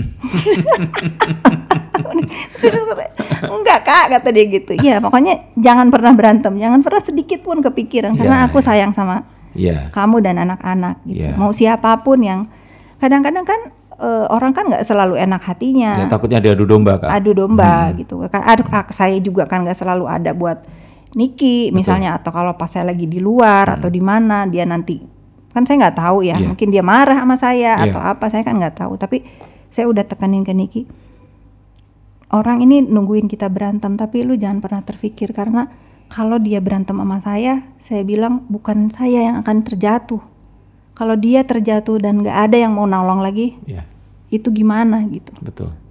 Ya udah, tapi emang nggak ada sih dan dia pun nggak pernah nggak ter Kepikir. nggak pernah Iya. kepikir gitu untuk Ini menarik dan memang di dunia yang seperti ini, kalau dunia Kak Fitri kan ya apa yang terlihat, itu what you see is what you get. Nah tapi kalau dunianya Niki ini kan kalau orang lihat Niki apa adanya malah dibully kayak dulu, betul ya mendingan Niki jadi tokoh antagonis kalian, Iya.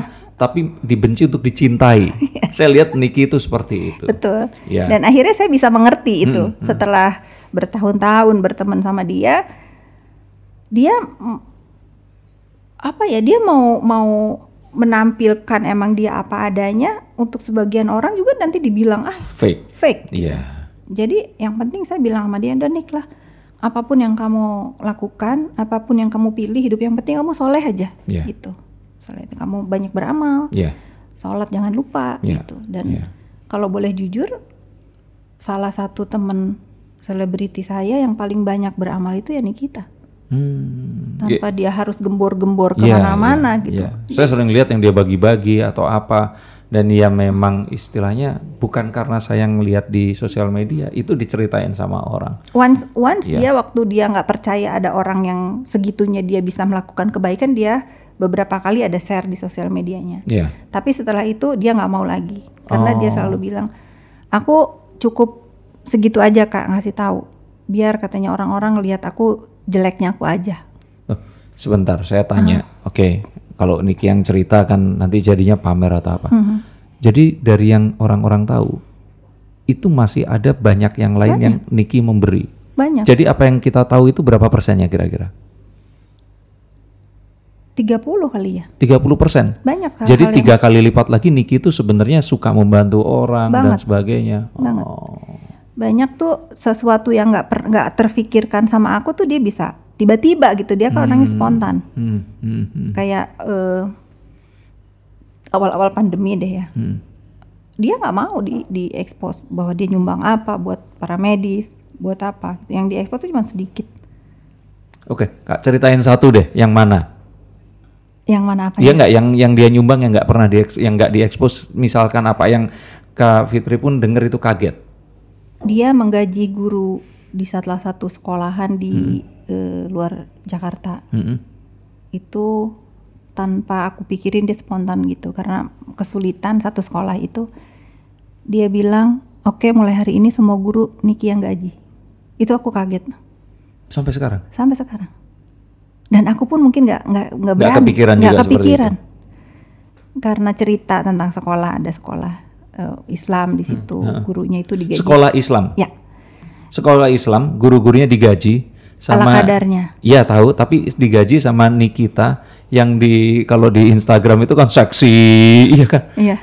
Oke. Itu di sebelah aku terus sampai ya aku bangga sih sama dia. Hmm. Dia bisa spontan gitu dengan mungkin dia juga nggak tahu besok lusa dia dapat uang dari mana dan menurut Iya, aku iya. besar juga dia harus ngeluarin gaji para Iya guru. loh, itu. maksudnya Banyak kan, soalnya gurunya. Iya, dan dengan kehidupan Niki sekarang dengan anak dan semua ini itu kan wanita tuh cari kepastian kan ya. Iya, tapi di- aku selalu bilang sama Niki, Niki dah, kalau kita ngasih satu, pasti Allah ganti sepuluh. Hmm. Dia selalu yakinin itu. Ah. Dan iya sih berkah terus kan. Mau Iya, orang iya. bilang apa, mau apa, dia kerjaan tetap lancar, Iya. usaha yang eh, dibangun juga lancar. Iya, gitu. iya, Karena keyakinan eh, jangan pelit gitu aja. Benar. Ini menarik banget. Hmm. Oke, kartu ketujuh. Kayaknya aku mau ngambil paling ujung. Boleh. Itu biasanya paling di penasaran orang. Nah, apa nih? Coba. Coba nih. Oke.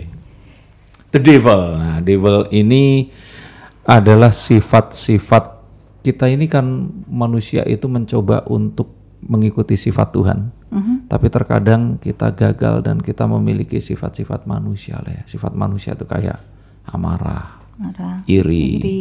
tidak puas, merasa tinggi dan yang lain-lain. Oke, kita melenceng dulu dari Niki ini tadi. Eh, kalau menurut Kak Fitri, pernah nggak sih Kak Fitri ini kayak lepas kendali gitu loh, kayak dengan ini amarahnya besar sekali, terus akhirnya harus melampiaskan terhadap sesuatu yang bukan artinya apa ya, bukan artinya yang negatif ya, kayak kondisi yang marah sama Tuhan gitu, kayak yang tadi kan sempat mikir kalau kadang saya tuh pengen pikiran saya tuh berhenti berpikir gitu. Nah tapi kalau ini lebih ke sesuatu yang sifatnya emosional. Atau kalau kita lihat kan kalau Niki kan ya dia spontan ceplos-ceplos begitu aja. Walaupun begitu dikasih tahu langsung dia berhenti gitu. Nah sifat Kak Fitri apa yang kalau dari Niki ceplos-ceplos terus akhirnya dia nyesel dia ini apa yang mungkin Kalau sekarang tuh udah enggak ya. Kalau waktu muda mungkin iya.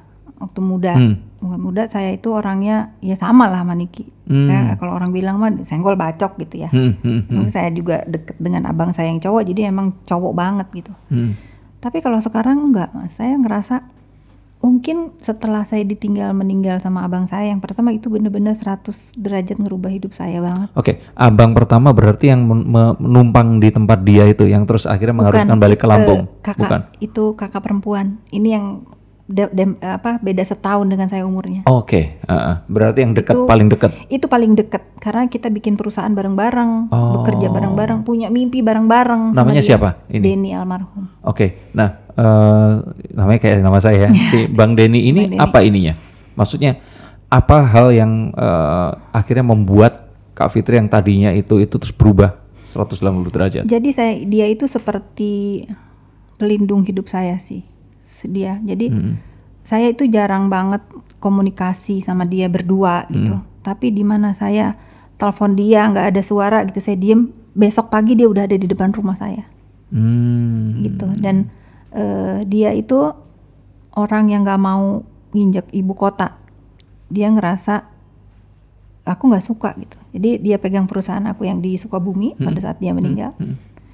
Eh, kalau mau ngajak dia ke Jakarta itu kayak ngajak dia itu perang gitu loh. dia nggak pernah mau. Dia aku di sini aja gitu. Tapi eh, dia orang yang ngajarin saya itu ya kamu boleh eh, apa namanya menggapai semua mimpi kamu pu- punya baju bagus gitu punya mobil bagus dan dia support apa yang dulu kita nggak pernah bisa dapetin kita beli sepatu aja harus nunggu berapa bulan baru Iya. kita sekarang eh, saya bilang sama dia pokoknya dream aku kalau aku punya uang aku mau beli sepatu mana yang aku mau aku beli itu itu eh, emosional kita waktu Betul, kecil iya. dan itu saya sama sama dia gitu jadi Oh. eh, paranoid kita itu tentang sepatu karena sepatu itu eh, sesuatu hal yang sulit waktu masa kecil itu saya Hmm. dengan abang saya dapetin sementara kita anak remaja kan cepet banget gedenya ya Oh. Betul, betul. kakinya udah Harus berubah-ubah. Iya, dan ah. itu sih kita nggak bisa komplain karena untuk ke kota jauh Iya, iya, gitu. iya. ayah saya mau beliin berapa pasang pun tetap aja Iya, akan kurang, kekecilan ya. Beberapa bulan lagi dan kita harus menikmati itu nggak Hmm. boleh ngeluh gitu Nah, itu tuh bener-bener yang saya sama dia itu selalu ya pokoknya apa tapi jangan ganggu. Saya mah enaknya di sini. Saya jadi biar saya di sini aja sama anak-anak muda di sana gitu dan Oh. memang dia dicintai sama anak-anak muda di sana Iya. karena bisa meng, apa Itu di perkebunan juga bukan berarti. eh, di Sukabumi di, Di perusahaan itu ya? di perusahaan yang saya Ah, bikin ah, sama dia dia tinggal di di bawah kaki Gunung Salak. Mhm. Nah pada saat dia nggak ada itu yang bener-bener tuh, aduh, kayaknya, aduh saya masih apa ya gitu. Dan tiba-tiba kan jam tujuhnya. Dia, saya tuh tiap hari eh, selalu komunikasi tentang pekerjaan. Hari ini ngapain? Ini tuh. Hari itu tuh saya udah kebangun. Jam 7 pagi itu saya mau telepon dia saya tidur lagi. Nggak telepon. Mungkin kalau saya telepon tuh saya bisa ngomong terakhir sama dia. Oh. hari itu dia pergi berburu. Sorenya saya dikabarin dia udah nggak ada. Itu kan sakit hati banget. Oh. Emang kalau seandainya nelpon, apa sih yang mau diomongin waktu itu? Mungkin berantem ya? Berantem tentang kerjaan pasti. Tapi at least saya ngedenger suara terakhir dia gitu. Saya sayang banget sama dia. Iya. Tapi dia tahu kalau kakak ini memang oh orang yang paling sayang itu. dia tahu. Dia kadang ngeluh sama kakak-kakak saya yang lain. Kenapa ya Fitri itu sama saya itu marah melulu katanya. Terus kakak saya bilang ya tapi dia sayang sih sama gue gitu. Selalu gitu. Dan dia tuh nggak pernah yang bilang kalau saya minta tolong apa nggak pernah seumur hidup saya dari kecil sampai dia meninggal itu bilang enggak. Dia bisa biar bisa ninggalin istrinya tuh untuk misalnya ah tolongin ini dong. Iya. dia datang saya nggak pernah bilang enggak ah gitu. Nggak pernah. Ada waktu dia tiba-tiba nggak ada itu tuh yang bener-bener ngerubah saya. Duh jauh banget deh. Saya nggak pernah marah-marah lagi sama orang. Iya. saya lebih sayang sama tim-tim saya gitu Iya, iya, lebih lagi mikirin hidup mereka gitu. Hmm. karena saya tahu begitu dia nggak ada yang mengantar ke pemakaman itu saya nggak tahu dari mana banyak banget Hmm. karena Dan itu yang merubah ya. Yang tadinya benar-benar emosional, orang yang memang ya udah apa pun dikerjakan. Jadi memang lebih itu tadi mikirin masa depan ini seperti apa. Terus berpikir juga kalau oh umur kita nih ternyata nggak panjang. iya kalau kita banyak yang benci Iya. Banyak yang marah sama kita Iya. doanya apa buat kita? Iya, nggak yang ngantar ke kuburan siapa? saya setelah dia nggak lama lagi kakak saya yang di atas dia lagi minum kopi juga. Oh, tiba-tiba pergi. itu apa jantung atau? mungkin jantung. Kalau kakak saya yang ngurus saya saya merasa ya saya udah banyak menemani dia karena cancer kan. Iya. hari-hari terakhir dia saya banyak menyemangati sampai saya lihat kalau itu saya ikutin itu ya. Iya. Jadi Allah itu eh, maha baik ya. Jadi kita nggak tahu kita akan meninggalkan dunia ini dengan cara apa. Bisa kita lagi ketawa kita nggak ada atau Iya. kita bisa diuji Iya. saat kita sakit. Iya. Tapi at least saya kepengen nggak ada lagi yang benci sama saya. Dan kakak kan sudah melalui semua itu, Iya.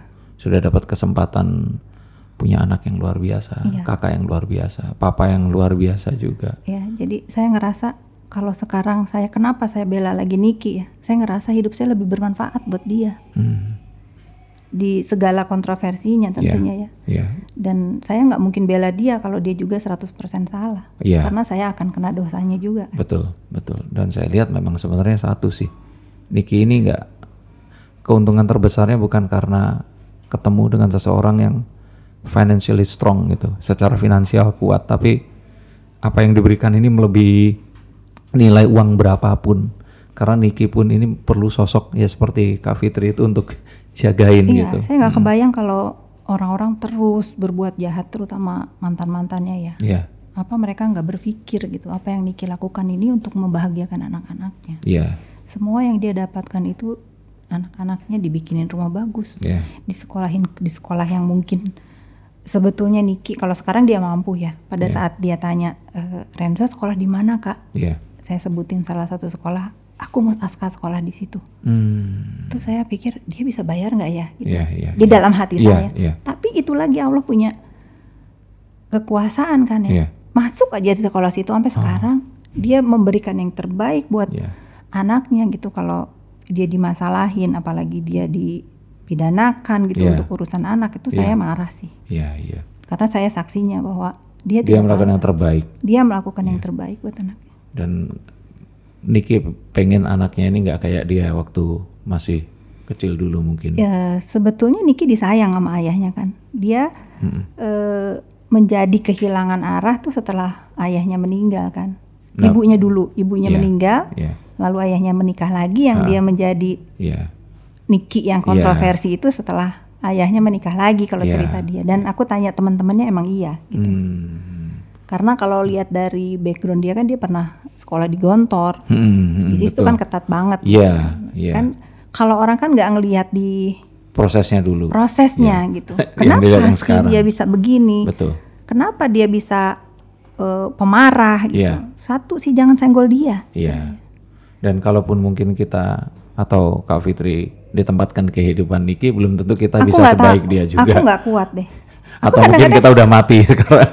aku nggak kuat kadang aku nggak kuat kadang tapi ya sekarang itu eh, aku sama Niki itu udah bisa ngeliat ya kalau ada orang yang ngehujat dia di Instagram itu udah ketawa Hmm. Kayak kayak kemarin nih ketemu kakak lihat deh ini aku dikata-katain gitu ngakak dia ketawa lucu ya cara dia ngomong kalau Niki yang dulu mungkin udah panas dia balas Dibales. dibales Meskipun ini orang nggak berguna dibalas sama dia. dibalas sama dia tapi kemarin itu lihat lihat deh kak cara dia ngomong iya ya lucu ya gitu ya, kayak kita udah bisa menikmati ngetawain itu orang-orang Iya. yang ngehujat dia Iya, iya, iya. Kartu terakhir. oke Bismillahirrahmanirrahim waduh Kok waduh? bulan Oke, enggak. apa Bulan ini sebenarnya bagus. oke The Moon ini adalah kartu yang cewek banget. Kartu yang menunjukkan bagaimana seorang wanita ini selalu di dalam apa ya, pilihan. hmm. Bukan ketidakpastian, tapi lebih ke yang misalkan nih ada satu kasus di mana seorang ibu anaknya masuk penjara dengan alasan apa pun itu. Kalau seorang bapak, dia akan bisa terus kemudian bilang, oke, dia bukan anak gue lagi. Tapi kalau ibu, apa pun yang terjadi, itu tetap anakku.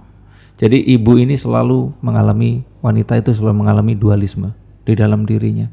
betul Love and not to love, live atau stay, semuanya itu ada di dalam hidup. Dan ini kayak sesuatu yang selalu menyeimbangkan karena kartu bulan ini ini di bawah naungan Venus. Kalau uh, the sun itu Merkurius itu cowok banget. Sesuatu tuh kayak apa adanya kalau the sun. Cowok itu seperti itu. Tapi kalau wanita ini kayak ya itu tadi kalau kita ketemu cewek kan ditanya, "Kamu lapar?" "Enggak." Padahal lapar. "Kamu sedih?" "Enggak kok." Padahal dia sedih seperti itu. Nah, ini kartu terakhir. Dalam hidup ini eh, pernah nggak sih harus menahan sesuatu yang cukup besar sehingga terkadang kita ini atau sekarang mungkin terkadang kita itu nggak bisa ngomong jadi akhirnya kita harus harus menjalani ini sendiri harus silently terus jalanin. Harus pura-pura bahagia harus pura-pura ya ini demi agar orang lain happy atau siapa pun. Ya itu tadi yang aku bilang mas. Hmm, anak sih lagi-lagi anak.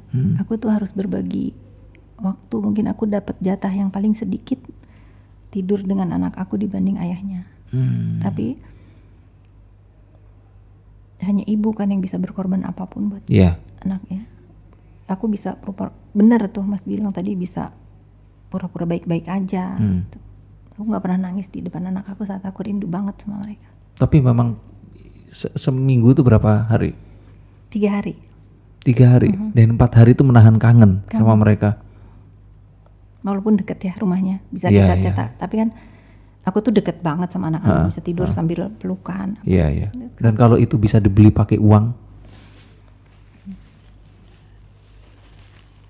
Kak Fitri pengen buat bisa lebih lama sama anak atau? Meskipun sekarang kan ada yang paling kecil ini. Ya kalau aku bilang aku menyesal dengan perceraian kan aku nggak adil buat yang kecil ya. Karena aku bersyukur juga ada Renzo Iya. sekarang di hidup aku ya kalau misalnya aku bisa bayar kebersamaan aku dengan anak aku aku pasti bayar. Tapi kan nggak gitu. Dia kan butuh ayahnya juga. Betul. Dan ayahnya masih sendiri itu yang aku bilang. Aku bisa nahan bisa ngalah gitu untuk kebahagiaan anak-anak aku.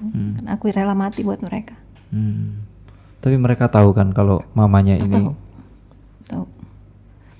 Dan sekarang mereka mulai ngerti bahwa saatnya mereka pulang ke rumah ayahnya tuh sebetulnya mereka tahu aku sedih gitu loh. Tapi oke mami besok kita ketemu lagi. Dan ini bukan tentang memilih uh, ayah atau mamanya, tapi kan lebih karena ini wanita dan wanita gitu loh. Betul, karena aku dari kecil tuh nggak nggak pernah. Ayahnya juga begitu nggak pernah ngejelekin aku, aku pun nggak pernah ngejelekin mereka, eh, ngejelekin ayahnya. Jadi aku selalu bilang, eh, mungkin karena itu rumah kecil mereka dibesarkan, aku yang keluar kan. Jadi aku ngerasa mereka lebih homey kalau di situ. Iya. Jadi aku yang ngalah. tuh. Iya. Tapi ya mereka semakin besar ya semakin ngerti gitu. Pagi udah ada Renzo kan. Tapi sekarang eh, karena libur kan pagi itu anak aku yang Renzo kalau mereka lagi di rumah ayahnya aku yang kirim ke sana. Oh. Jadi dia ngajarin sekolah, sore dia pulang kalau aku kerja tuh. Malah Renzo yang di sana biar deket sama kakak-kakaknya ini. Jadi aku ngerasa hidup aku ini sekarang dipermudah banget sama Allah Subhanahu wa taala karena akhirnya aku bisa berdamai dengan semua dengan semua hidup aku dengan rumah tangga aku, dengan anak-anak sambung aku. Hmm. Semua deh, aku ngerasa aku terima kasih banget dengan kehidupan yang aku jalanin sekarang. Luar biasa. Oke kak, pesan terakhir. Tapi kali ini buat wanita-wanita yang ada di sana, yang mungkin saat ini sedang di perjalanan menuju perceraian, atau mungkin dia ini baru punya anak, atau mungkin punya masalah sama anaknya atau apa pun. Dari seorang Fitri Salhuteru ini apa? Kalau aku boleh eh, berbagi cerita buat para wanita yang Hmm. aku tidak melarang untuk bercerai ya. Mungkin kalau memang itu udah pilihan terbaik buat Ya, apa yang buat persiapkan terus kehidupan apa? itu jangan pernah bawa anak-anak dalam keributan perceraian. Hmm. Karena anak itu nggak akan kecil selamanya.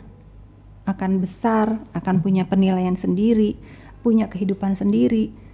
Kalau dari kecil mereka udah ditekan untuk berpikir untuk ikut drama orang tuanya kasihan. Hmm. Gitu. Biarkan mereka berkembang karena anak kan nggak pernah memilih siapa orang tuanya. Iya. Tapi orang tuanya saat punya anak kan harus bertanggung jawab untuk Betul.